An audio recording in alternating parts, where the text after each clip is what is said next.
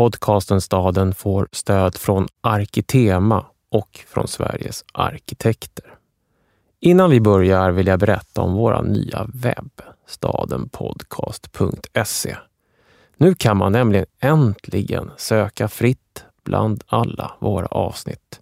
Man kan trycka på en knapp och få upp alla avsnitt från Sverige eller alla temaavsnitt. Eller söka efter en särskild stad. Det är som en värld där nu av avsnitt att navigera bland. Så ta er gärna dit. Nu kör vi!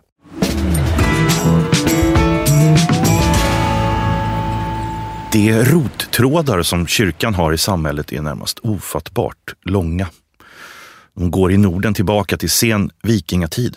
Kyrkan som får sin första form under en period då man ännu blotar och tror på asagudar och storbönder höll sig med trälar.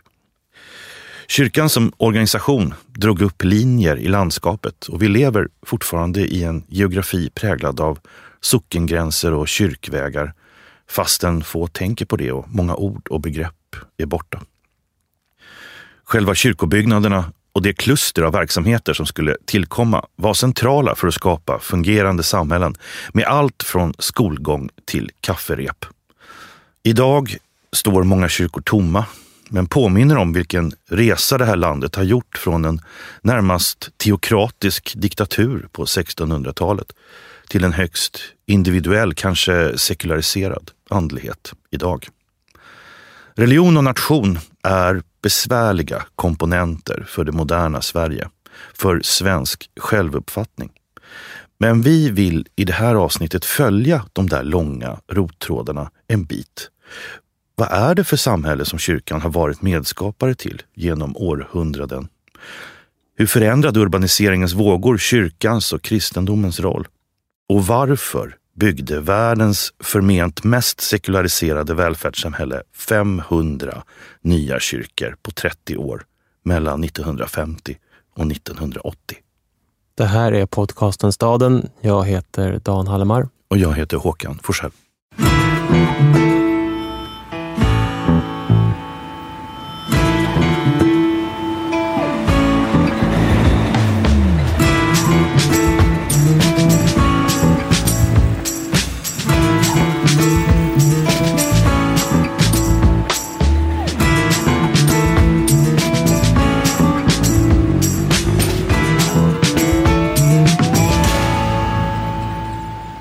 Dessa kyrkans långa rottrådar kan följas tillbaka till flera platser i landet. Men vi tänkte börja med att följa dem till en av våra äldsta och mäktigaste kyrkor, nämligen domkyrkan i Strängnäs. Mm.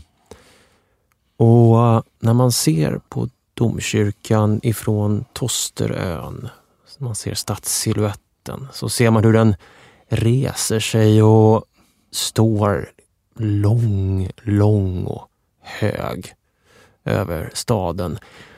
Den putsgula världsliga maktens hus, det gamla stadshuset till exempel, liksom krymper. Det är som att den slukar staden med sin ladulånga länga. Det finns en beskrivning av den här vyn ifrån Mälaren i Carl Jonas Lova Almqvists bok Det går an. Den stora domkyrkan, skriver han, syns för segelfarare från långt håll och dess majestätiska torn behärskar Södermanlandsnejderna vitt och brett. Mm. Och uh, vi uh, kommer till Strängnäs. Vi åker genom rondellerna med de nybyggda villahusområdena, radhusområdena, den växande dynamiska idyllens många nybyggen, de nya pendlarnas hem som reser med Mälardalsbanan. Den där dynamiska idyllen. Mm. Det låter som en kommunslogan, det kanske det är också. Det är ja. en kommunslogan och skyltarna vi ser längs vägen visar staden eh, med kyrktornet, kyrkhettan, som faktiskt är barock mm. ritad av Carl Håleman på 1700-talet. Där syns också, precis intill kyrkan, Gripsholms slott som är också en del av Strängnäs kommun. Och ovanför denna dynamiska idyll så lyfter ett antal luftballonger med siffrorna 500 på. Just det, det är jubileum i år. 500 år sedan Gustav Vasa kröntes i Strängnäs den 6 juni 1523. Mm. Och detta ska firas med pompa och ståt i kommunen såklart. Men när man gör resan som vi gör då eh, genom staden och externhandelscentrumet och det moderna kommersiella centrumet kring eh, det gamla Domusvaruhuset så känns ju kyrkans plats i staden som någonting som snarare är bortom mm. staden än en sorts port till staden. Absolut, det är som någon slags till, någon slags appendix. Ett, liksom, ett, ett, man har bilagt någonting. Precis, och eh, när man som vi gör då parkerar bilen nere vid småbåtshamnen och börjar vandra upp mot kyrkan. Eftersom det är därför vi är här så är det det vi gör. Då går vi längs med Storgatan mot kyrkan och upp mot Stortorget. Och då känner man väldigt tydligt att man befinner sig i ett liksom, kommersiellt eh, bakvatten. Det är nästan som att man känns som att man är på väg att lämna stan. Ja, fast man är på väg mot dess historiska centrum. Ja. Längs Storgatan så ligger kvarterslånga gymlokaler eller solarium, enstaka restauranger. Stortorget när man väl kommer fram till det. Där ligger en kebabrestaurang, den nedlagda eller stängda kommunhuset och en stor parkering egentligen. Mm. Så att den här delen av staden är nästan antik eller antikvarisk eller någonting annat. Och det var intressant tyckte jag när vi pratade med folk i Strängnäs, folk som inte var uppvuxna i kyrkan eller med kyrkan, med dess liturgi eller dess körer eller dess eh, vardagsliv. Så beskrev de ju Strängnäs, kyrkområdet i Strängnäs, eh, som någonting som var bortom, bortanför, mm. någonting där uppe där uppe höll man på med saker. Mm. Någonting annat, någonting skilt från staden. Ungdomarna som, som såg detta, de sa där är, där är berget med kyrkan. Själva satt de på Långberget, ett annat berg och hade sina fester. Mm. Och Det är som en jätte i mitten som man liksom kan glömma om man inte är en del av det. Mm. Men om du är en del av det så verkar det ju vara så att det öppnar uh, vidare portar in i liksom, Strängnäs, hur, det, hur Strängnäs styrs, mm. eh, vilka som fattar beslut. Helt enkelt liksom någon slags, en, det är fortfarande en, en pulserande del i en ådra av nätverk för den här lilla staden. Verkligen, vi får ju beskrivningar eh, av de som vi träffar i Strängnäs, hur de två makt... Eh, sfärerna. sfärerna. Den kyrkliga, eh, kyrkofullmäktige och kommunfullmäktige till stora delar består av samma personer. Mm. Eh, de känner varandra, de, de är eh, kyrkofullmäktige har sina samlingar på kommunalrådets gård. Och, ja, det är nära, trådarna och mm. sfärerna ligger väldigt nära varandra. Tänk ifall det liksom har någonting att göra med att Strängnäs uppenbarligen har utvecklats till en pendlarstad delvis. Mm. Och sen har den ändå kvar den här småstadens liksom, traditionella föreningsliv och sammanslutningar. Det är en intressant kombination. För det är ju liksom uppenbart att det är en borgerlig stad vi pratar om. Alltså inte i, ja kanske även i politisk mening, men jag tänker mer som att den, är, eh, den har en ganska inte någon framträdande arbetarrörelse, tycker Nej. jag det verkar som. Folkets hus finns liksom i Åkerstyckebruk. Ja, det. Mm. det finns inte i Strängnäs. Nej. Och eh, det där med en borgerlig stad, både politiskt och vad ska man säga, eh, ja, kulturellt. Exakt, mentalitetsmässigt. Liksom. Mm. Har ju, vad vi förstår, också förstärkts i och med pendlingen just. För att år 2000 så kommer den här Mälarbanan mm. som ska knyta ihop orterna längs med Mälaren, framför allt med Stockholmsregionen och skapa ett sorts pendlingens storsamhälle. En bit bort ligger Läggesta station som är närmast eh, Mariefred och vidare in mot, mot stan kan man nu resa från, på 45 minuter mm. från Strängnäs. Och här börjar ju Strängnäs att växa till rejält och de nya bostadsområden som vi ser när vi åker in mot staden är ju ett resultat av det där. Men det beskrivs också för oss som att intresset för kyrkan mm. och kyrklighet och också den gamla historien i Strängnäs ökar med de här nya inflyttarna. Mm. Eh, som har andra kulturella värderingar, en, en, en, en liksom ett större intresse för det här om vi nu ska kalla det för, det borgerliga livet uppe innanför de här mm. portarna som väldigt tydligt, man går ju genom portarna man går upp till det här området uppe vid kyrkan. Ja, man ser dem i slutet av gatorna, ser man, i slutet av Gyllenhielmsgatan ser man en port. Mm. Eh, och där går man in och sen är man inne på kyrkområdet där det gamla gymnasiet ligger där. Eh, Biskopsgården, där, där alla, allt mm. det här som, som knöts kring kyrkan eh, ligger där uppe. Mm, mm. Och kanske är den liksom mest tydligaste eh, bilden av det här eh, giftermålet mellan den världsliga och kyrkliga makten, mellan det borgerliga livet och den kyrkliga historien eh, som tydligast i, i vår eh, statsminister och statsministerfru. Som ja, bor hundra meter utanför det här kyrkoområdet i Strängnäs i en mm. villa. Där bor vår statsminister uh, Ulf Kristersson tillsammans med sin nyligen prästvigda uh, hustru Birgitta Kristersson Ed. På något sätt så förkroppsligar hon också liksom Strängnäs. Hon är nämligen liksom entreprenör och PR-konsulten mm. som blev präst. Mm. Hon är en dynamisk idyll. Mm. Alla våra nunnor var entreprenörer. Ja, det var början. någonting de sa i Eskilstuna. Om Strängnäs? Ja. ja. Alla våra präster är före detta PR-konsulter. Mm. Ja, det är, det är en fin samtida koppling till det världsliga och det andliga. Ja.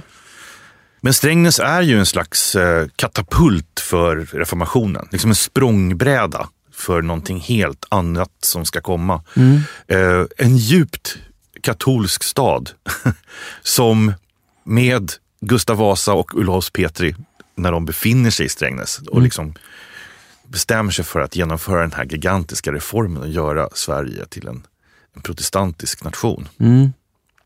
Det får ju också materiella konsekvenser i att man, liksom, man helt enkelt börjar plocka ner saker. Till exempel det katolska klostret i Strängnäs plockas ner, rivs, plockas bort sten för sten.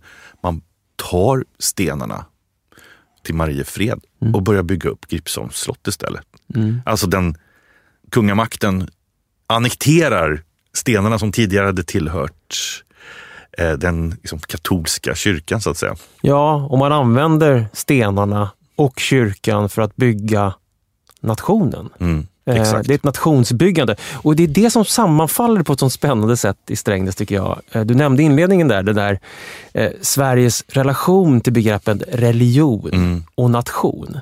Och det är känsliga saker. Det är ju känsliga saker mm. som vi kan, som jag, som mm. liksom så här, alltså kulturell svensk, eh, kan känna så här, lite obekväm inför båda de där begreppen. Mm.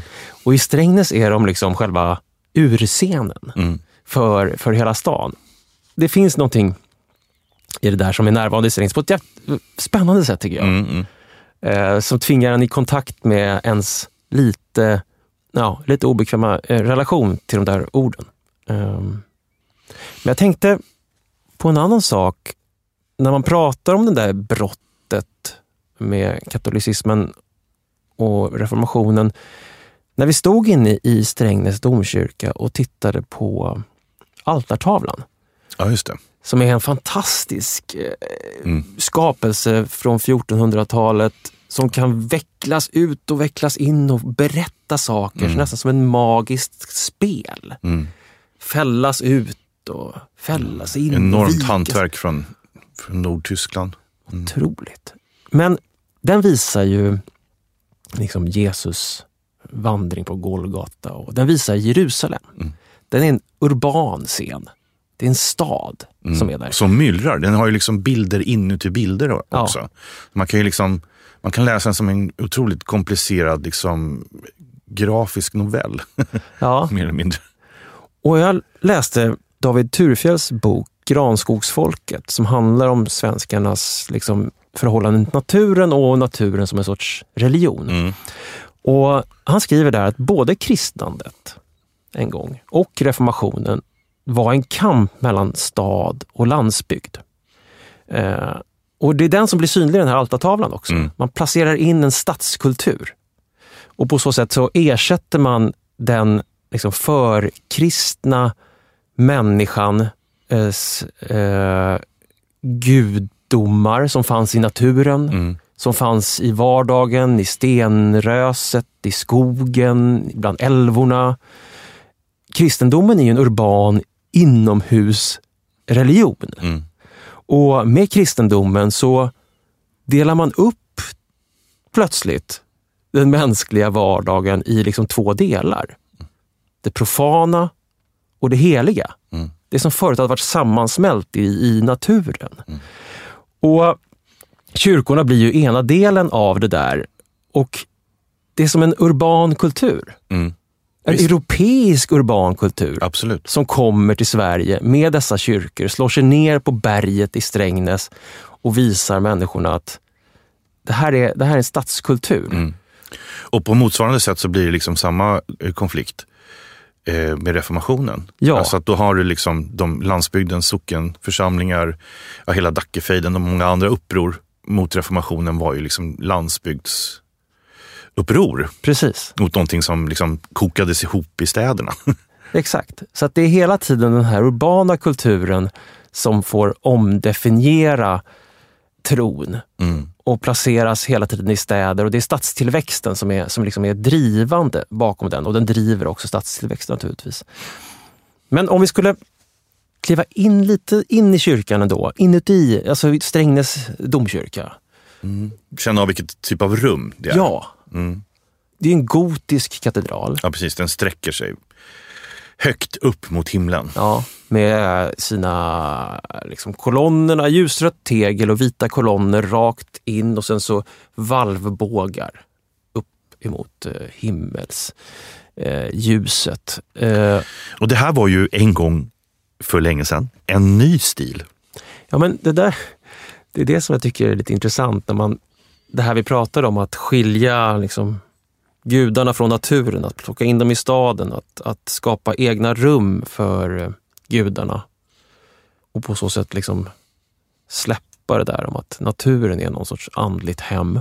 Eller den enda guden. Mm. Ja, den enda guden. Eh, samtidigt så börjar man bygga kyrkor som har, alltså de gotiska katedralerna, som liksom hämtar sina former ifrån de liksom höga skogsvalvens mörker och ljus. Spetsbågen, knippepelaren, Mm. valven.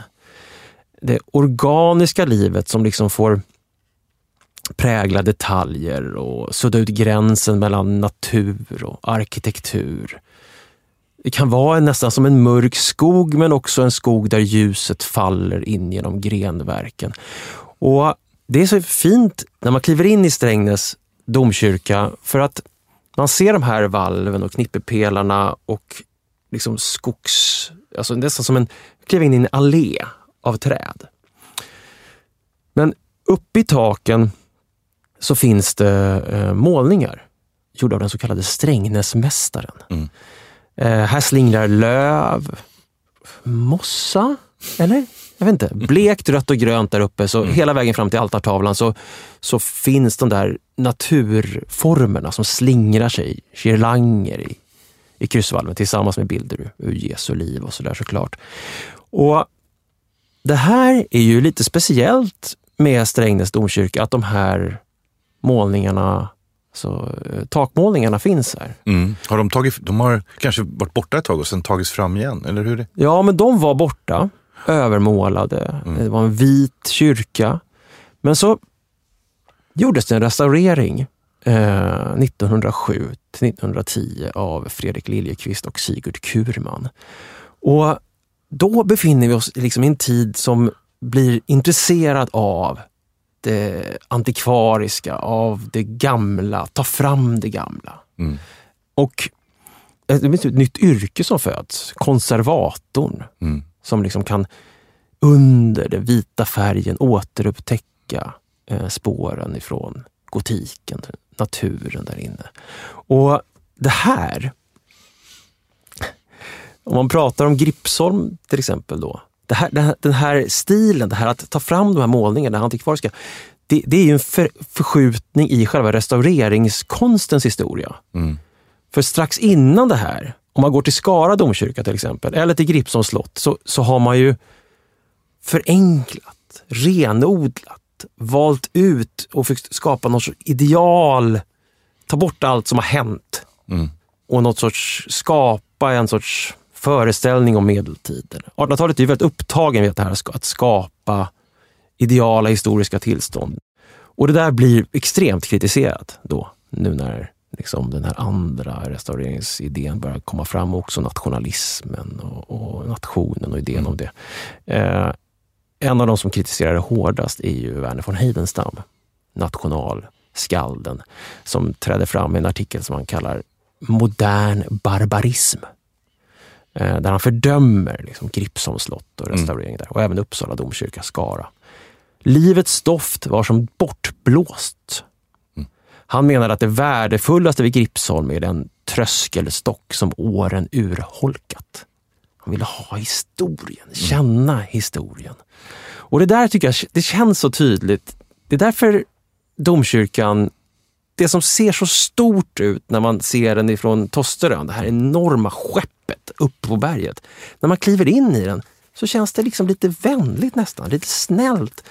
De här girlangerna, den här blandningen av eh, medeltiden och man la dit jugendmöbler och det dekorativa. kor- Den, den, har ett mys Ja. över sig som är lite oväntat. En värme. Ja. Jag tror det är det. Ja. Den är som en, trots sin storlek, så andas den något svensk folk, folkkyrka.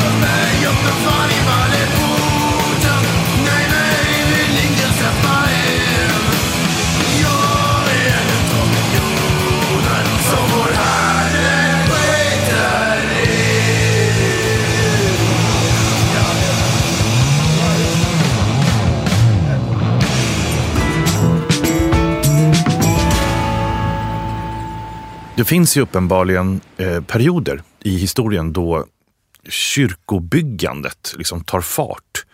Eh, eller förändringen av just kyrkorum eh, blir väldigt viktigt. Som är kopplade till stora samhällsförändringar. Och en sån period inföll ju man säga, ja, runt 1800, slutet på 1700 början på 1800-talet. Då Sverige hade ju genomlidit stormaktstiden som var rätt miserabel för i, i stort sett alla. Ehm, och sakta men säkert så hade ju befolkningsökningen i fredstid sedan tagit fart. Och de här berömda orden om vaccinet och freden och potatisen som eh, gjorde att eh, det vart bra skjuts där i demografin. Det skapade också ett stora problem. Det var väldigt, väldigt trångt i de här gamla sockenkyrkorna. Så att eh, vad man beslutade sig för var att man skulle försöka att dels liksom göra kyrkorna större om det gick. Men också att bygga nya kyrkor i början av 1800-talet som kunde liksom, där flera socknar kunde liksom samsas. Och till att kontrollera att det här skedde och att man också levererade rätt ritningar ifrån sockenförsamlingarna så fick man en myndighet över intendentsämbetet och liksom granska alltihop. Så det var liksom en ganska stor apparat här. Eh, och de här kyrkorna som uppförs, de är ju liksom över 800 stycken. Eh, framförallt i Mellansverige, mycket i Småland, mycket i Östergötland, men också i Norrland. Och det här är från 1700-talets slut fram Exakt. till Ja, 1800. så 1840 ungefär. De här kyrkorna brukar liksom lite nedvärderande ha ett namn, eller ett liksom öknamn. De kallas för Tegnérlador. och det kommer ju sig av eh, poeten, men likaledes kyrkomannen Esaias Tegnér. Som var väldigt drivande i den här reformen av att liksom skapa nya kyrkorum eh, där den växande landsbygdsbefolkningen då framförallt, men det här skedde även i, i städer, framförallt i mindre städer, skulle få plats. Ja, men säg mellan 1760 och 1800, ja, men säg 1860 kanske, 1850-60 så byggs eh, väldigt många kyrkor. Det är en enorm ekonomisk prestation just av socknarna som då får bära större delen av det ekonomiska ansvaret. Och poängen med de här kyrkorna, de känns ju alla igen. De har liksom en slags lade form. De är, eh, skulle vara väldigt eh, liksom, eh, renskalade, genomlysta, upplysta. Eh, kyrkorummen skulle liksom ha väldigt få ornament. Det skulle vara tydligt vad man också skulle göra där för någonting. Det var en bänkarkitektur med eh, vissa hierarkier såklart. Eh, det skulle finnas en orgel, det var till för att man skulle liksom sjunga, församlingen skulle sjunga psalmer. Det var allt annat än så här medeltida mörker och mystik och natur och, och slingrande eh, växter. Och, Ja, och, och verkligen inte lager på lager av saker. Det här, en protestantisk kyrka ska vara fri, rymd och ljus. Eh, sa Tegnér och andra som var anhängare av denna reform. Och Det gällde helt enkelt att man skulle överkomma komma bortanför den här mörka medeltidskyrkans smusslande med magiska handlingar. Och ibland så var kanske inte det konstnärliga värdet av allra högsta kvalitet.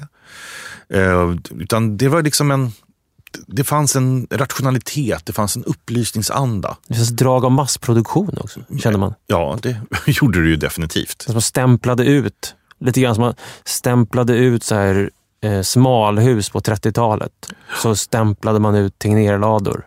Inte så jätteintresserade av den lokala kontexten kanske, sammanhanget eller så, utan mer som en, en praktisk lösning på ett... Ja, men det där är ju också, apropå det där som du nämnde tidigare om restaureringens, liksom, vad, man värderar av det förflutna.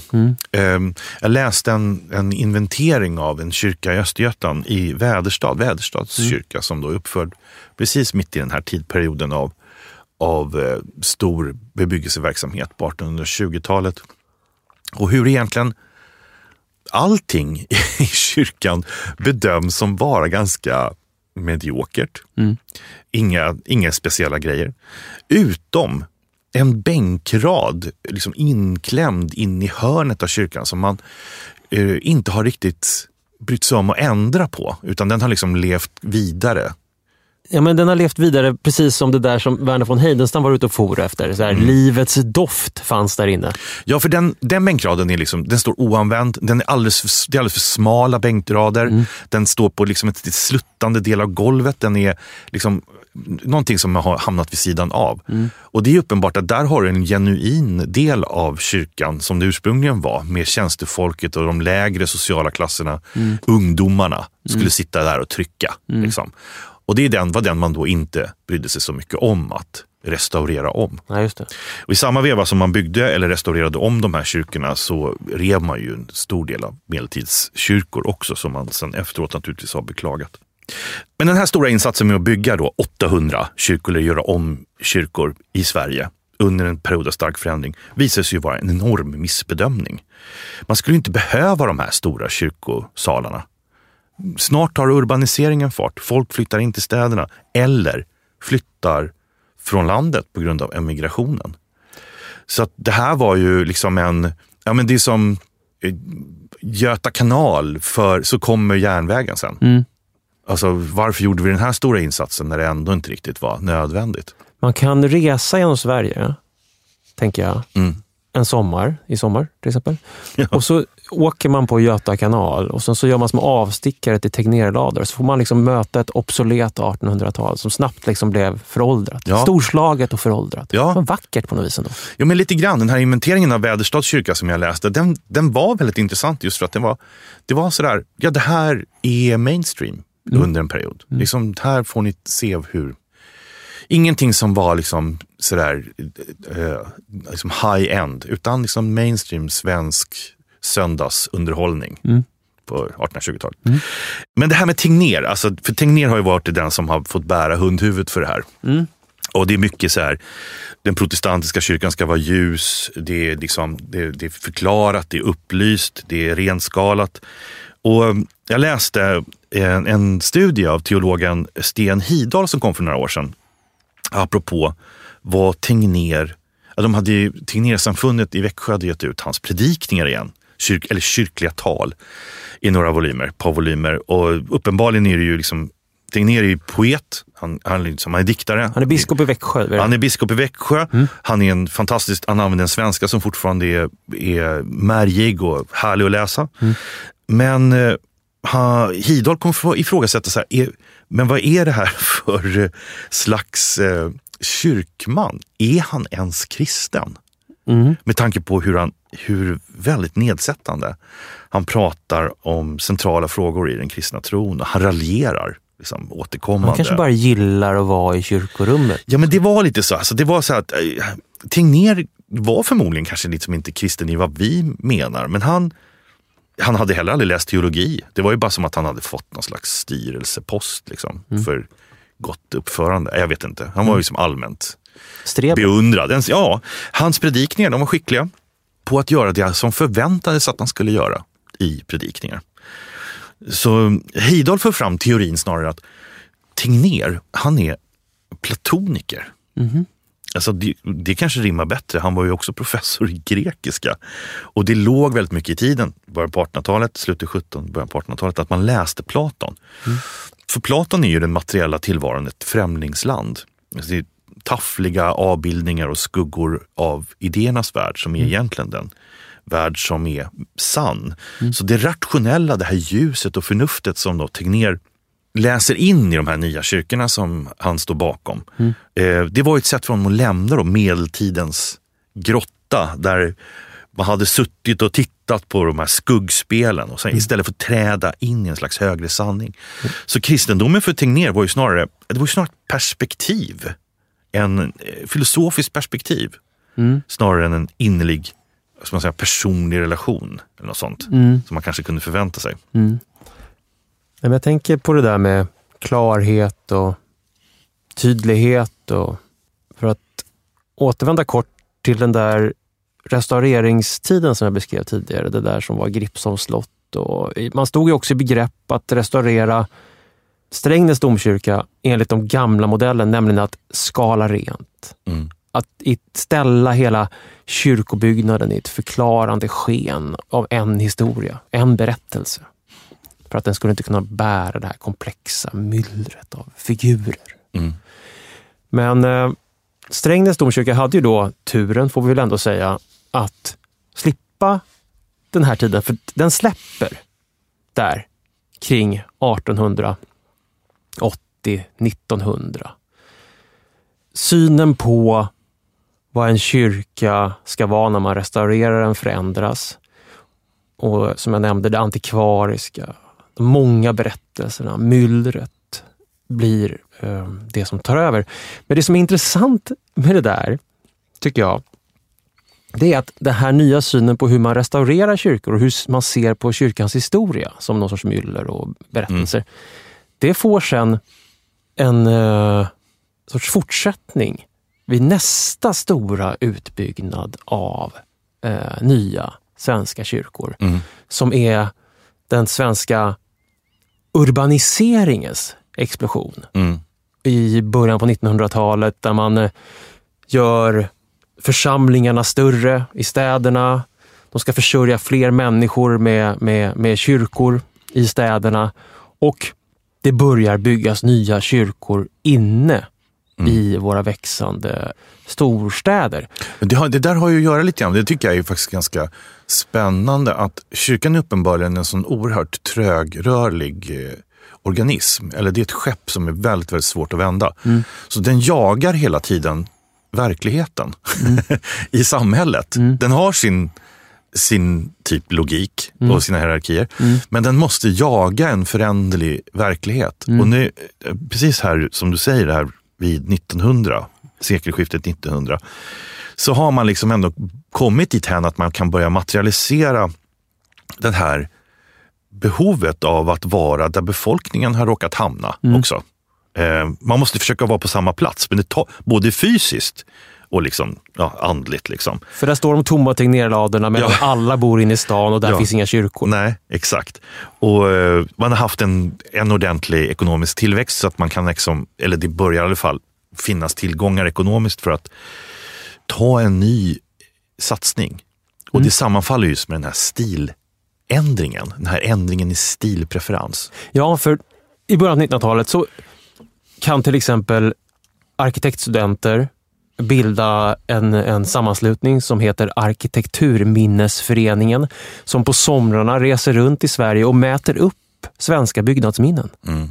De återupptäcker det här myllret, den här mångfalden, det där som Där, de där skuggorna som de inte ville Ja, precis. Ta tillbaka skuggorna. Ja, men precis. Eh, Eller eh, Heidenstam i bild av Gripsholms slott, att det vackraste Gripsholms slott är liksom den gamla tapeten där tidiga generationers skuggor har kastats Mm, på. Och sådär. Så att det där återupptäcker de och sen tar de med sig det in i staden och börjar eh, rita de här eh, nya kyrkorna. Och Man ska ta ett exempel. Eh, Sigfrid Erikssons Masthuggskyrka i Göteborg. Mm. Högt upp på berget och masthugget. Eh, blickar ut över hela staden. Och där byggs kyrkan som om den hade funnits jättelänge. Mm. Och gjorts om flera gånger. Byggts till, byggts om. Som att man kliver in i en historia, fast den är helt ny. Det är som en, eh, en berättelse som redan, redan är klar, vilket den har gemensamt med andra samtida byggnadsverk. Stadshuset i Stockholm är kanske det tydligaste exemplet. Men det är även, precis, men även Engelbrektskyrkan Engelbrektskyrkan, till exempel. eh, Höga Lidskyrkan Mm. i Stockholm. Och eh, Det där kommer ju William Morris göra där i England också. Eh, nya byggnader som redan när de är färdiga bär på en lång historia, eller känslan av en lång historia, känslan av skuggor. Eh, Lars Isel Warman, när han ritar Engelbrektskyrkan på berget eh, i, i Stockholm så har han vildrosen som, som idé. Mm. Eh, Den gotiska katedralens böjda valv. Naturen kommer tillbaka. Det autentiska, det äkta materialet. Inga stilövningar, inga kostymer. Nej. Utan någonting... Men det här det är intressant också att just här, här dyker gotiken upp igen. Mm. Efter att under som Teg- Tegnérladernas period var ju det eh, förbjudet. Det tycker jag också är ganska intressant skrivet då, just över intendentsämbetet. Att de säger så här, var god, det är så antigotik under den tiden. Mm. Var god och håll tonen medelmåttiga. Det var så här, ta det lugnt här. Och det här handlade ju om brandskydd helt Mm. enkelt. Att man liksom inte hade några resurser att åka ut på landsbygden och släcka en jättehög, eh, liksom, ett högt valv som brann. Eh, men här så får man tillbaka liksom den här rymden. Man ska liksom utnyttja gotikens eh, ljusspel och allting. igen. Inga medelmåttiga ton här. Nej. Alltså, gisses alltså. Och tonavslutningen på Engelbrektskyrkan med sitt guldsmycke högst upp där som, som liksom skirt och som ett spindelnät nästan. Ja. Där högst upp som glimmar. Är fantastiskt. Drömmen är tillbaka på något vis. Det, det är mycket rörelser som händer här samtidigt. Alltså Mm. som är, de parallella rörelserna är också väldigt spännande eh, när det gäller just materialiseringen av, av trons institutioner. Mm. Här när urbaniseringen verkligen håller på att ta fart. För det vi pratar om nu, de här stora kyrkorna, de är ju nästan alla vad man skulle kunna kalla för hus i park. Mm. De Frilagda i stan. Liksom. Precis, exakt. Men eh, vi befinner oss i en tid som, där ändå man har fått religionsfrihet. Mm. Ursprungligen kunde man lämna eh, svenska statskyrkan bara genom att träda in i en annan kyrklig organisation. Mm. Så småningom så, så kunde man ju lämna det överhuvudtaget. Men det är ju alltså också tiden för de stora frikyrkorna, Ja, eller frikyrkorörelsen. Och jag tyckte det var en sak som jag läste som också var väldigt spännande tycker jag. Det var att eh, frikyrkorna började redan på ett väldigt, väldigt basic sätt konkurrera ut eh, de här statskyrkans Tegnérlador genom att de hade eh, kommit på att man omedelbart när man byggde frikyrkolokalerna skulle ha värme in i bänkarna.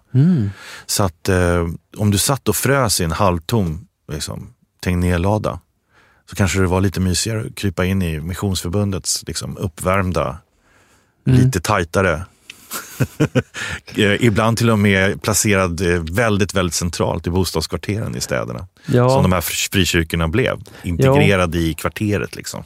Verkligen. Metodisterna, baptisterna, Missionsförbundet börjar liksom annektera eh, staden. Jag tycker det är intressant där också hur... För det här är ju en konkurrenssituation för den, den eh, liksom svenska Verkligen. den svenska kyrkan. Svenska kyrkan som begrepp uppstår ju här eftersom att det är nu som det finns någonting annat. Säga. Ja, just det. Ja.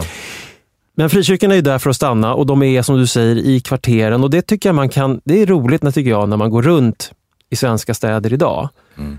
Och eh, liksom vandrar i en sorts religiös infrastruktur. Mm. Så går man till exempel i Stockholm då på Birger så ser man först Engelbrektskyrkan uppe på sin höjd där i sin autentiska glimrande materialitet. Och sen går man lite längre fram och så kommer man då till eh, Immanuelskyrkan som ligger innesluten i ett kvarter eh, tillsammans med spårvagnshallar, de gamla spårvagnshallarna. Det ligger en Hemköp i bottenvåningen. Det är, den, den är liksom innesluten i kvarteret, eh, liksom ligger och skaver hud mot hud med, med människors boningar. Det finns någon fantastisk sån här frikyrka också i Göteborg, på, är det inte på Vasagatan tror jag. Mm. Vad, är, vad är den heter? Betlehemskyrkan, eh, ritad av Johannes Olivegren, har ett enormt rosettfönster i betong. Den är från 1960-talet. Eh, mot det här rosett- rosettfönstret vetter mot Vasagatan. Även här ligger Hemköp på Ja, hörnet. Väldigt vardagligt. Väldigt vardagligt, väldigt urbant. Och jag, jag hörde i filmen, eh, Sven Blumes film om hans eh, morfar, eh, arkitekten Karl Norén, så eh, beskriver Karl Norén frikyrkorörelsens kafékultur. Frikyrkan är ju, det är ju, det är ju som en stor kaférörelse. Serveringen och så sker genom att de äldre församlingsmedlemmar har en vecka var och svarar för kafékokandet och bakning. Och det, på så vis är det, är det ett, eh, ett socialt centrum där alla träffas. Och varje gång jag kommer ner till Jönköping går jag alltid dit och dricker kaffe. Och de flesta av de gamla de känner igen mig som står här bakom. Så det, det är väldigt trevligt att komma dit. Han är uppvuxen i frikyrkorörelsen i Jönköping och har ritat på 1970-talet Immanuelskyrkan i Jönköping i ett kvarter. Och eh, den är ritad för att vara naturligtvis ett andligt rum men också för att vara en del av den här kafékulturen. Mm. Jag tänker på den här urbana kafékulturen, Mm. gathörnets kafékultur i Wien eller Paris. Mm. De svenska frikyrkorna öppnar på något sätt det rummet mot människor, mot gatan, att eh, komma in. Och man vet också hur viktigt det är. Liksom med, alltså fikat är ju en stor del av att vara där. Verkligen. Har du sett den mannen som går upp på Söder? Idag får han kaffe hos Frälsningsarmén. Det regnar och är ruggigt gatorna är tomma. Och han tänker på de tider som varit en gång. Men många av oss som har det så bra Alltid klagar vi på något Kom låt mig ta dig med genom gatorna på Söder och visa dig något som många har glömt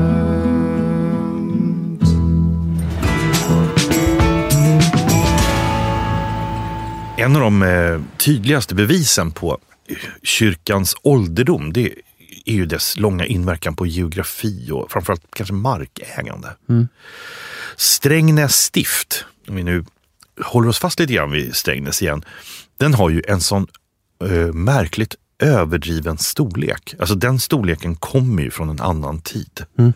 Ingenting av, eller ingenting, men Strängnäs, Strängnäs stifts liksom ytterdelar om man säger så. Det förknippar man ju knappast idag med Strängnäs. Nej. Södertörn, Ja. eller delar av i alla fall. Härnösands stift täckte ju halva Sveriges yta i mitten på 1800-talet.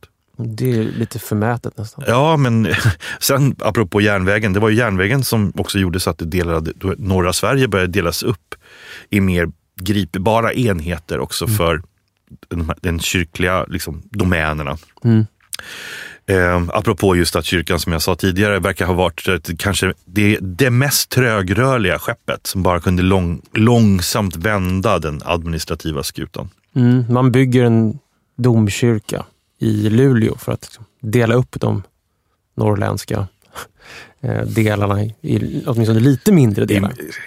Och den invigs, Inga Ja. mumsbitar direkt ändå, utan nej, eh, men den invigs 1893 och byggs faktiskt i en ny gotisk stil. Sådär. Ja, är tidens ande.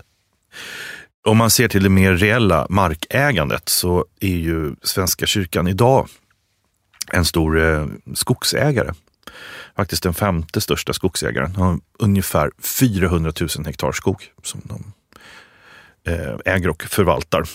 Men eh, tidigare så var ju liksom jord förbunden till kyrkan av en mycket mer liksom, omfattande och komplicerad art skulle man kunna säga. Präster avlönades ju genom att de fick jord att bruka på olika sätt eller eh, lät arrendera ut för att leva på överskottet. Och det här var ett system som existerade i flera hundra år, ända fram eh, formellt till 1910 faktiskt.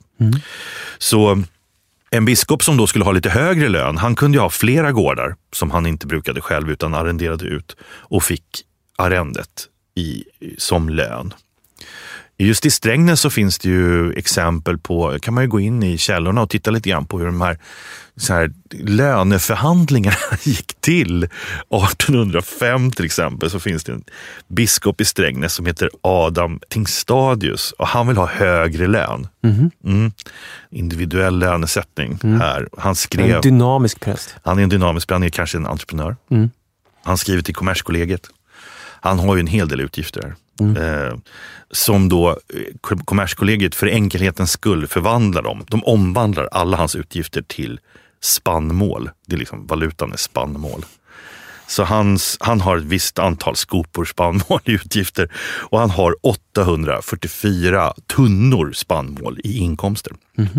Och de kom från tiondet, alltså den tionde procenten som församlingen skulle betala.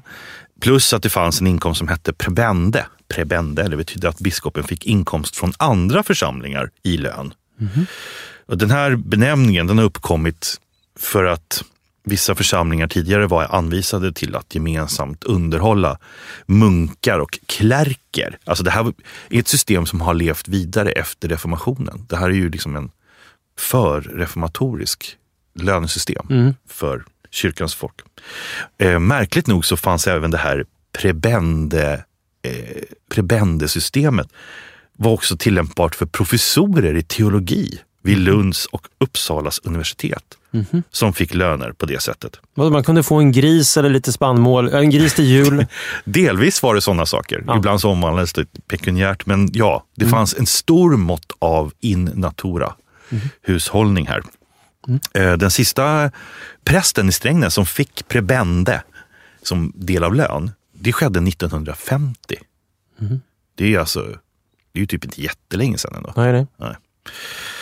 Ja, man kan ju titta på det här och, det är, och tycka att det är rätt spännande hur liksom kyrkofolkets avlöning bestämmer agrarproduktion, bestämmer vad som ska hända på godsen. Det både formar och deformerar samhället och geografin. När hela jordbruksarealer ska gå till prästlön. Just i Strängnäs kan man ju titta då, därifrån Carl Jonas Love Almqvist kom förmodligen, med Tosterö. som är bara över viken ifrån den gamla stadskärnan. På Tosterö låg tidigare Sundby gård och hela denna gård var en del av Strängnäsbiskopens lön. Det var hans lönekonto. Det var först när systemet då avskaffades 1910 som jag sa, så kunde Sundby användas till någonting annat. Det var, liksom, det var låst eh, under väldigt lång tid. Och när det, när det avskaffades, då blev Sundby ett hospital, ett mentalsjukhus. Mm.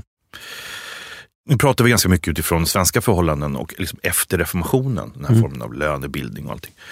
Eh, men under medeltid så påverkade ju kyrkan markanvändningar på annat sätt som kanske är ännu tydligare i, i Europa. Där, ja, där är det liksom de här utfallet av markägandet som kyrkan hade liksom lever kvar. I reformations-Sverige så drog sig mycket av marken in till staten. Så det är liksom staten som har blivit ägare av den av de marktillgångarna. Men jag tänker ju på de genom, alltså omfattande donationerna som skedde under medeltiden i, i Europa, Europa, europeiska städer inte minst. Alltså att det levde en donationskultur där framförallt de högre klasserna i samhället, ända sedan 700-800-talet, var väldigt omtyckt sätt att bry sig om både sitt samhälle och sin egen själ. Att skänka mark till kloster och till kyrkor. Och det här gjorde ju kloster och kyrkor i stora delar av Europa, både på landsbygden och i städerna, som sagt enormt förmögna. Eh, ett exempel också som kommer, eh, som jag tycker är väldigt spännande, som just har en, som berättar en hel del om vilket inflytande den här donationskulturen kunde få för kvinnor i äldre tider. Om man åker omkring i, liksom, i eh, städer i nuvarande Belgien, norra Frankrike, Tyskland, Holland delvis, så kan man råka på gårdar inne i städer, till exempel i Antwerpen eller i Brygge eller i Gent eller i Mechelen, som kallas för begingårdar. Mhm. Begingårdar var någonting som grundades ofta av änkor som såg till att skapa stiftelser. Om man var förmögen så kunde man ge donationer och markinköp där man byggde hus där just ogifta kvinnor som inte ville ingå i äktenskap och därmed förlora alla sina rättigheter, de kunde bo och leva tillsammans. Beginer var kvinnor som inte var nunnor. De hade liksom inte avlagt några klosterlöften, men de levde tillsammans i en slags religiös ekonomisk gemenskap. De kunde när som helst lämna gemenskapen om de önskade gifta sig eller leva ett annat liv. Men poängen var att de här beginerna, de, kall- de kallas ibland för lekmannanunnor, de eh, tiggde inte utan de arbetade för sitt levebröd. De kunde vara bagerskor, de kunde vara barnmorskor, de hade en slags diakoni, de tog hand om sjuka och gamla, de undervisade adelns barn, 1200-1300-talet. Och många av dem sysslade med handarbeten, broderier och silkesbearbetningar. Det var så de försörjde sig och drog in inkomster till gemenskapen. Som sagt, de här begingårdarna de går ändå att se i Flandern och i dagens Belgien. Eh, De är ofta distinkta kvarter, muromgärdade med en eller två kyrkor innan, inuti den här arealen där muren är. Och där inne rådde liksom ett ganska stort mått av självstyre. Man hade också matbodar och egna sjukstugor och bostäder och naturligtvis. Ehm, och som sagt, de här marken och gårdarna var ursprungligen donerade av rika adelskvinnor som inte sällan själva ingick i gemenskapen. Ibland som liksom den som bestämde, liksom, som någon slags abbedissa just. Eh, men det fanns andra välgörare som stöttade den här donationen. De hade det ju inte helt lätt, eh, som man förstår. Kvinnor som vill leva utan män och styra sig själva. De drog till sig väldigt mycket misstänksamhet eh, och hat. De anklagades för att vara kättare, eh, sedermera också för att vara häxor. Några av dem har också bränts på bål. Det fanns faktiskt även ett beginhus i Vadstena under en tid. Men de fördrevs med reformationen och anklagades mer eller mindre för att vara liksom, ett hus med prostituerade. Nåväl, eh, de här religiösa institutionerna som Begingårdarna till exempel kom verkligen att forma städerna. Eh, de, de är numera helt centrala, de liksom är väldigt centralt placerade. Om man åker till Antwerpen till exempel, eller den stora Begingården i, i Mechelen, så har många gjorts om till studenthem eller gästhem. De har fortfarande den här slutna karaktären med bostäderna runt en öppen gård med en gammal trädgård, gamla äppelträd. Men de är ganska magiska faktiskt. De liksom erbjuder en, ska man säga, en annan puls. När man träder in där så är det som att liksom allting stannar av lite grann i den moderna staden. Som att man går liksom in i någon slags, liksom, någon slags tidsficka. Liksom. Men intressant med stadsrum eller som, som, som har formats utefter andra mekanismer än Mm. pengar eller vad det nu är som, som, som, som skapar stadsrum. Liksom. Mm. Spekulation eller... Utan som har en sorts Och det är en slags frizon Mm. där. Liksom. Mm. en andlighet Mm. på något sätt. Absolut. Jag tänker på den svenska kyrkan idag har ju faktiskt börjat också axla någon sorts idé om att man är också kan vara en stadsutvecklare. Alltså att vara en del av stadsutvecklingen. Vi stötte ju på i, i Lund, när vi gjorde vårt Lundavsnitt, så stötte vi på projektet Råängen i Brunnshög. Och det var ju domkyrkorådet som 2012 istället för att bestämde att istället för att sälja marken när de skulle exploatera de här, de här stadsdelarna ute vid de nya ESS och de här nya... eh, Den enda spårvagnslinjen vänder. Liksom. Precis. Mm. Så behöll domkyrkan marken och ville vara med att, att bidra till den här nya stadsdelen. Och då har de så här tre ledord, landskap, grannskap, värdskap. Och man eh, utvecklar det här, ska vara baserat på kristna värderingar, Mm. öppenhet, någon sorts värdegrund, människor och natur i samklang. Eh, Låter ju som att det skulle kunna vara fler än kristna som skriver under på de där. Ja, fast värdena. samtidigt tror jag kanske att när vi var där så vad vi kunde se då var ju det här, den här första grejen som de hade gjort där som en sorts liksom etablering. Var ju den här hage. Mm. Eh, en trädgård med ett stort bord Just det. där man skulle samlas och äta eller Mm. samtala. Mm. Omgärdat av tegelmurar. Det kändes helt enkelt lite annorlunda innanför de där tegelmurarna Mm. än vad det gjorde i andra delar av Brunnshög som hade eh, liksom börjat exploateras av helt, Mm. helt vanliga. Så att jag tycker det är intressant om kyrkan med sitt stora markinnehav också vad det gäller skog och vad det gäller stadsutveckling kan eh, formulera en idé. Som bryter lite grann mot den gängse menar du? Ja. Mm.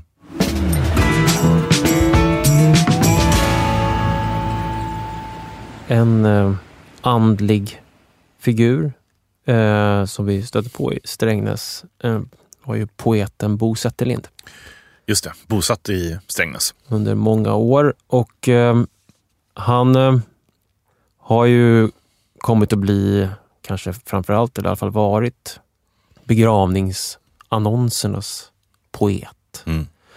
bland annat. Eh, han lyckades ju under efterkrigstiden formulera någon sorts andlighet i folkhemmet.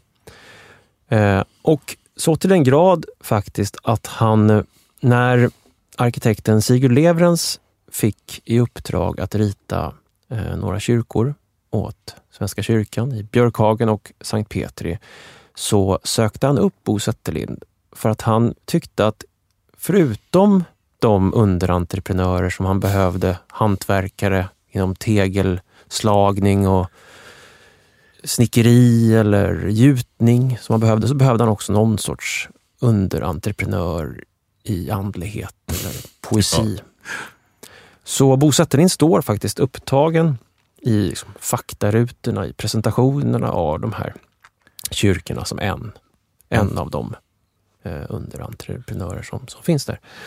Men han fick också som konkreta avtryck på kyrkorna. Eh, I eh, Sankt Petri kyrka så finns det fyra stycken Är det den som är i Klippan? Ja. Mm. Finns det fyra stycken kyrkklockor gjutna vid Olssons klockgjuteri i Ystad. Klockorna bär apostelnamnen Petrus, Paulus, Andreas och Thomas. Och på varje klocka finns en liten eh, dikt av Bo Zetterlind liksom inristad. I klocka nummer två till exempel, apropå dödens, eh, dödsannonsernas poet och Paulus, så står det så här. Räds ej den sista stunden, när du ska bryta upp från allt. Du ryckes upp från grunden och får en ny gestalt.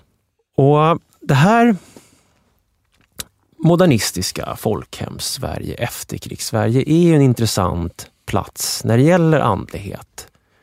Där eh, arkitekter och poeter i någon mening behöver axla liksom nya Mm. utmaningar när det gäller hur världens kanske mest sekulariserade land ska liksom odla sin Ja, eller, andliga trädgård. ja, precis. Ja, bara rent, rent kvantitativt är det ju eh, en, ett imponerande antal kyrkor som byggs eh, under den här modernistiska eran. Man, man, ja, man, man är ju uppe där och tävlar med eh, Tegnérladornas tid eller, liksom, eller medeltiden. Mm. Det är på ja, drygt 30 år, mellan 1950 och 1980, så uppförs det alltså närmare 500 eh, kyrkor i Sverige. Mm, I de nya förstäderna. Precis, i förorter eller i nya tätorter Mm. eller så. Och Det har ju också att göra med att de, de här moderna kyrkorna eh, fyllde många andra samhällsfunktioner vid den här tiden. Mm. Präglad återigen av en stark efterkrigsurbanisering. Mm. Och Det var ju som en expansion av det starka samhället. Mm. Och det här blev ju ett sätt för, alltså de här moderna kyrkobyggandet under efterkrigstiden blev ju ett sätt för, också för kyrkan att starta om. Att bli, återigen, nu hade man hunnit ifatt, var man på väg att hinna ifatt verkligheten igen. Man, man var på väg att bli, återigen få bli en så omistlig del av det samhälle som skedde just nu. Mm. En sån här rörelse som, som formas inom, inom kyrkan under den här tiden är den som får namnet små kyrkorörelsen. Mm. Och Det ska inte nödvändigtvis förstås som att man skulle bygga en massa små kyrkor, även om det också var en, en del av det man gjorde. Vi pratade till exempel i Sigtuna-avsnittet om de här vandringskyrkorna som man skapade. Som kyrkor man kunde i princip fälla ihop och flytta runt vid behov. och sådär. Mm. Men framförallt så kanske det handlade om att kyrkan skulle ha, precis som du sa, vända sig mot samhället och ha flera delar, eh, flera rum, eh, större delaktighet. Jag tror att det är många som känner igen sig som har växt upp i svenska förstäder byggda på 50 och 60-talet. Att kyrkan var ett sorts naturligt centrum för ungdomsgrupper, eh, barngrupper som satt och pysslade och åkte på läger tillsammans, sjöng i kör. I Johannelund i Linköping till exempel så satt ju, eh, kyrkan som eh, ritades av eh, Höjer och Ljungqvist ihop med skolan. Mm. Så att eh, den delade helt enkelt rum eh, med, med eh, skolan. Så att det blev en sorts eh, ny, ny- en, en ny typ av kyrka som skulle ha många olika sorters rum. Men den blev ju också en ny, eller ny, men den blev också en annan möjlighet för arkitekter att uttrycka form och arkitektur. Mm. Det talas ju om kyrkbyggnaden vid den här tiden som en skönhetens tillflyktsort. Där arkitekter kunde, till skillnad från det som stämplades ut i de nya bostadsområdena med hög hastighet, kunde kontemplera material, andlighet, natur.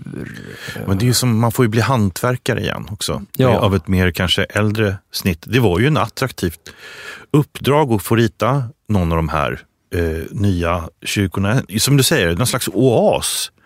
Att få ta fram det individuella kunnandet igen. Få läsa på om historia och eh, göra materialval. Det, det finns en eh, väldigt viktig figur i, liksom, som är en slags förmedlare mellan eh, kyrkans värld och arkitekturens värld vid den här tidpunkten. Han heter Lars Ridderstedt. Han är involverad i alla möjliga projekt och också en av dessa underhuggare till Sigurd Levrens bland annat. Alltså en som eh, Levrens rådgör med hur, hur, vad sker i liturgin och hur ska då, hur ska då kyrkorummet kunna gestaltas för att på bästa sätt underlätta eller accentuera någonting. Han skriver så här om, eh, om den här eh, sakrala arkitekturen. Den som känner vår tids konstverk, torg och bostäder ska också vara i stånd att datera kyrkan. Det skriver han 1974.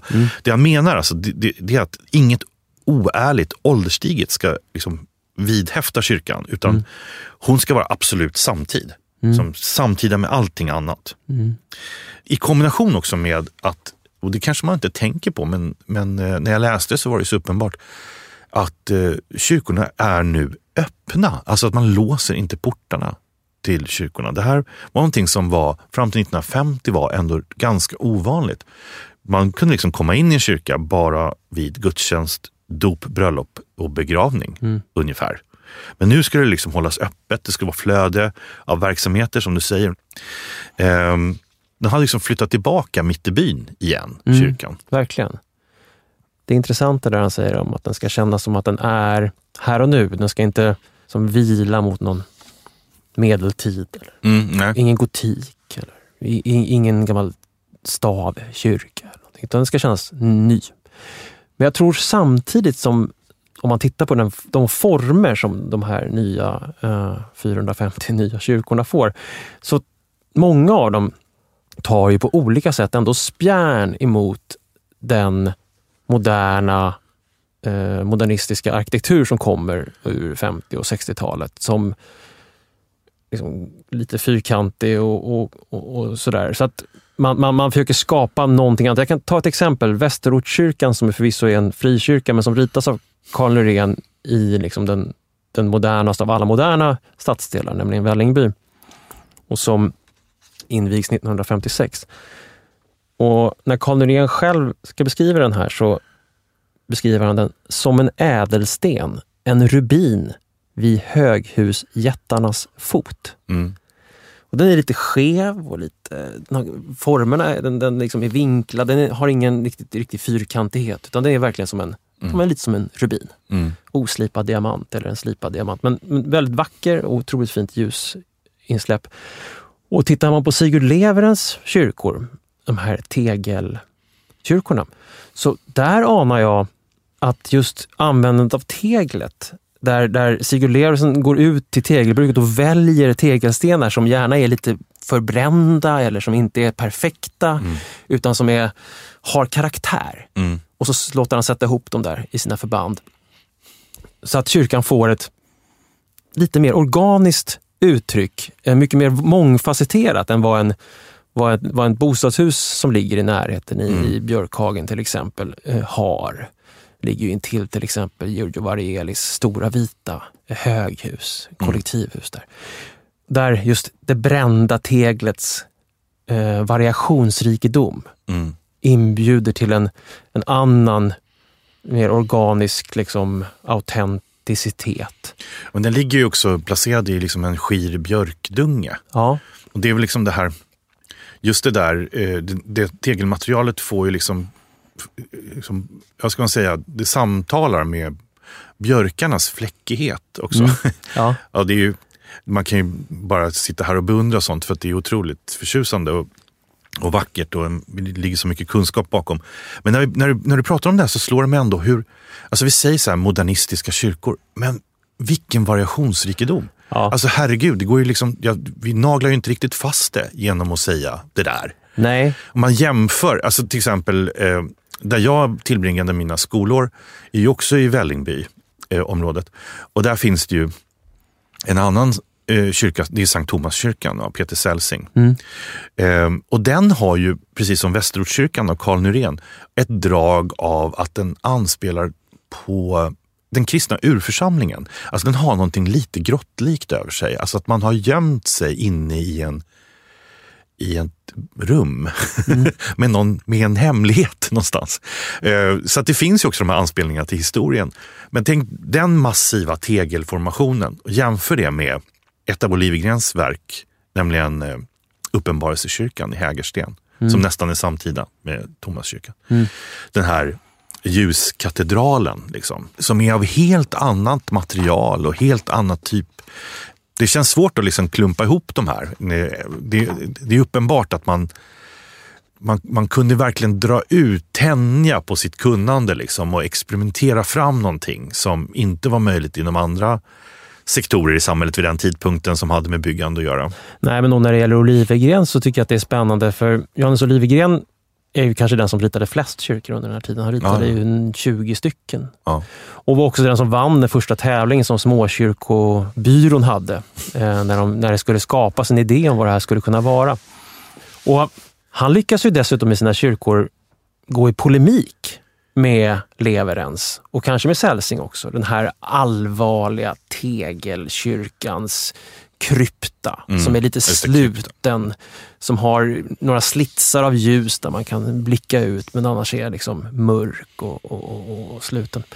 Och allvarlig. Mm. Eh, hans basilika, i, som du nämner i Hägersten, Mm. som ju verkligen är en det är en basilika. Den är, eh, alltså en basilika är ju en, en, en kyrkobyggnad som har ett sorts mittskepp och Just sen det. så faller den ut i mindre skepp Mm. åt sidan och ljuset flödar in i den där. Mm. Eh, Karl Nyréns Immanuelskyrkan som vi nämnde tidigare är också en sorts variant på basilikan. Och Nyrén använde ju även basilikan när han gjorde eh, eh, stadsbiblioteket i Uppsala. Men, men det, det var liksom en form som lånar sig till en sorts helighet och andlighet och genomströmning av ljus. Och, eh, Olivegren samarbetade också med glaskonstnärer. Mm. Eh, Ralf Bergholtz och Randy Fischer som, som gör såna här oerhört vackra fönster där ljuset strömmar in. Mm. Så hans kyrkor är ju ljuset och, och rörelsens kyrkor, Biskopsgården är en japansk papperssvala. Mm. Liksom, I sin betong, vita betong som svävar omkring.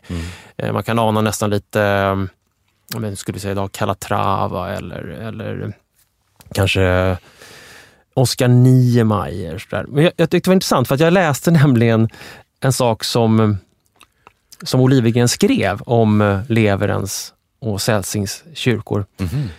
Han tyckte att de var liksom nästan eh, hedniska. Han tyckte att de inte alls hade med kristendom att göra. För honom var kristendom upplysning och, och, och ljus. Som Tegnér. Arkitekturen har upphöjts till egenvärde menade han hos Leverens till exempel. Eh, med ett nästan magiskt re- resultat, men, men det var ett problem menar han. Ljuset är kyrkorummets främsta byggnadssten, inte träet och stenen. Mm. Vi, ska, vi ska arbeta med ljuset. Och han menar att det distanserade folk ifrån, från religionen och från kyrkan. Man betraktar det istället för att delta. Man blir passiv istället för att man rör sig i rummet. Okej. Mm. Eh, han såg ett stillastående i, i det här kryptiga. Men jag tycker att det är intressant. Man kan det, är, det är fantastiska byggnadsverk båda Ja, två. ja, precis. Jag tycker egentligen att det, jag kan förstå den kritiken också ifall man då ifall man har den, den in, liksom positionen att man tycker just att kanske också liksom religionens innehåll ska betyda någonting. Men det, det förtar ju ingenting av värdet av de här rumsligheterna. Nej, nej, ändå, nej, något verkligen inte. Men, men han är mer gotisk då, man skulle Ja. säga, i, i sin arkitektur. Vi ska sträva mot, mot ljuset. Och det tyckte jag var så spännande för att när jag läste om, om, om Bauhaus, Mm. till exempel Bauhausrörelsen som, som kommer också i början av, av 1900-talet, som, som liksom en arkitektur och samhällsrörelse. De har ju också liksom någon sorts eh, katedralbyggande som sin idé. Ja, just det. De Bauhaus, eller Bauhytte, det var ju den här, eh, de här små hytterna som liksom, eh, hantverkarna kunde hålla till i och liksom göra sina grejer. Men Ja. jag tror att det är för att de ser katedralen som en symbol för ett, på tyska heter det ett Gesamtkunstwerk. Alltså det är en, liksom den totala, det kanske är som samhället. Liksom. Vi bygger allt i det här. Mm. Arkitekter, konstnärer, hantverkare. Men en sorts andlig republik talar ju Gropius om. Men jag tyckte det var skojigt för att när, när Bauhaus gör sitt manifest, sitt stora, när Gropius skriver skolans manifest, då på omslaget så ser man en bild av Lionel Feininger som föreställer en, en gotisk katedral. Mm. Mm. Det är ljuset, framtiden, hantverkets, hyttans, samarbetets liksom framtid på något sätt. Men det finns en tråd till som jag tror vi måste kanske följa innan vi lämnar de modernistiska kyrkorna. Och det är naturen. Ja, för du nämnde ju tidigare David Thurfjells bok Mm. Granskogsfolket i grannskapsenheten. Mm. som den in- inte alls heter. Den heter bara Granskogsfolket. Jag tror att jag har hittat eh, liksom, the missing link här mellan det kyrkliga och den här naturvurmen Mm. i, en, i en kyrka faktiskt, i en byggnad. Ehm, det finns en, en, en kyrka som inte är öppen särskilt ofta, nästan aldrig tyvärr. Men jag lyckades en gång komma in där. Och det är Lida idrottskyrka som ligger i Lida friluftsområde. Nu vad, vad blir det? Botkyrka. Och nu, sa, nu sa du Lida idrottskyrka. Ja, den heter Lida idrottskyrka. Kanske är lite förvirrande, men jag tror att det har mer med liksom det eh, friluftslivet att göra. Mm. Kyrkan är från 1950-talet och den har också tillkommit med hjälp av en av alla dessa märkliga tidspräglade organisationer. Du var inne på den här med småkyrkorörelsen till exempel. Ja. Den här har tillkommit med insatser ifrån en grupp som också hade ett spännande namn. Friluftsfolkets gudstjänstkommitté. Mm. Man kan Där- inte göra en KBT. Ja, det, men det, man hör ju redan där den här fusionen av liksom religiositet och naturdyrkan. Folk som brukar gå i kyrkan, men som också gillar att vandra i skogen och plocka svamp och vara friluftsmänniskor. Så den här Lida idrottskyrka i det här friluftsområdet tillkommer under en tid då Sverige börjar gå igenom ganska kraftiga förändringar. Man har fått, eh, nyligen fått tre veckors lagstadgad semester. Och då, vad ska man göra då? Man vill ju både gå i kyrkan och vara ute i naturen. Kan man kombinera kyrka och mulle? Liksom? Mm. Mulle förresten är tillkommen i Lida friluftsområde, och skapad där. Ralf Örskin hade redan 1948 fått rita en klockstapel till Lida. För att då hade man utomhusgudstjänster i det här friluftsområdet. Så att man liksom samlades kring klockstapeln. Här strålar nu så otroligt många trender eller tendenser i folkhemmet samman. Lida eh, friluftsgård som sen blev värdshus, eller hette värdshus, är också ritat av Örskin. Därifrån så sände Sveriges Television sina första underhållningsprogram med Harry Brandelius och Sigge Fürst som gäster. Programmet hette Storstugan. så det här var liksom ett ställe där man då var ute i naturen, man skulle få en kyrka och det var också tv-underhållning samtidigt. Den här kyrkan i trä stod färdig 1957. Ganska liten med ett, liksom, nästan sån här eh, alpsluttande tak. Går man in, lyckas man ta sig in i kyrkan så kan man se vad finns det för altartavla. Nu ska vi minnas altartavlan i Strängnäs domkyrka. En urban altartavla Precis. eh, där staden är liksom Jerusalem. måttet. Jerusalem. Knökfullt på alla gator, det hänger folk överallt. Mm. Men nu är vi i 50-talets Sverige. Precis, och nu har alla eh, storstadsbor eh, letat sig ut eh, till eh, grönområdena. Mm. Men vill ändå besöka kyrkan. Så vad finns det då för altartavla? Det finns ingen alls. Det som finns är ett stort fönster längs med hela väggen. Som ett stort panoramafönster ut mot sjön Getaren och trädtopparna borta. Så det är som att eh, kyrkan säger, här har ni er gudabild. Tillbe granskogen.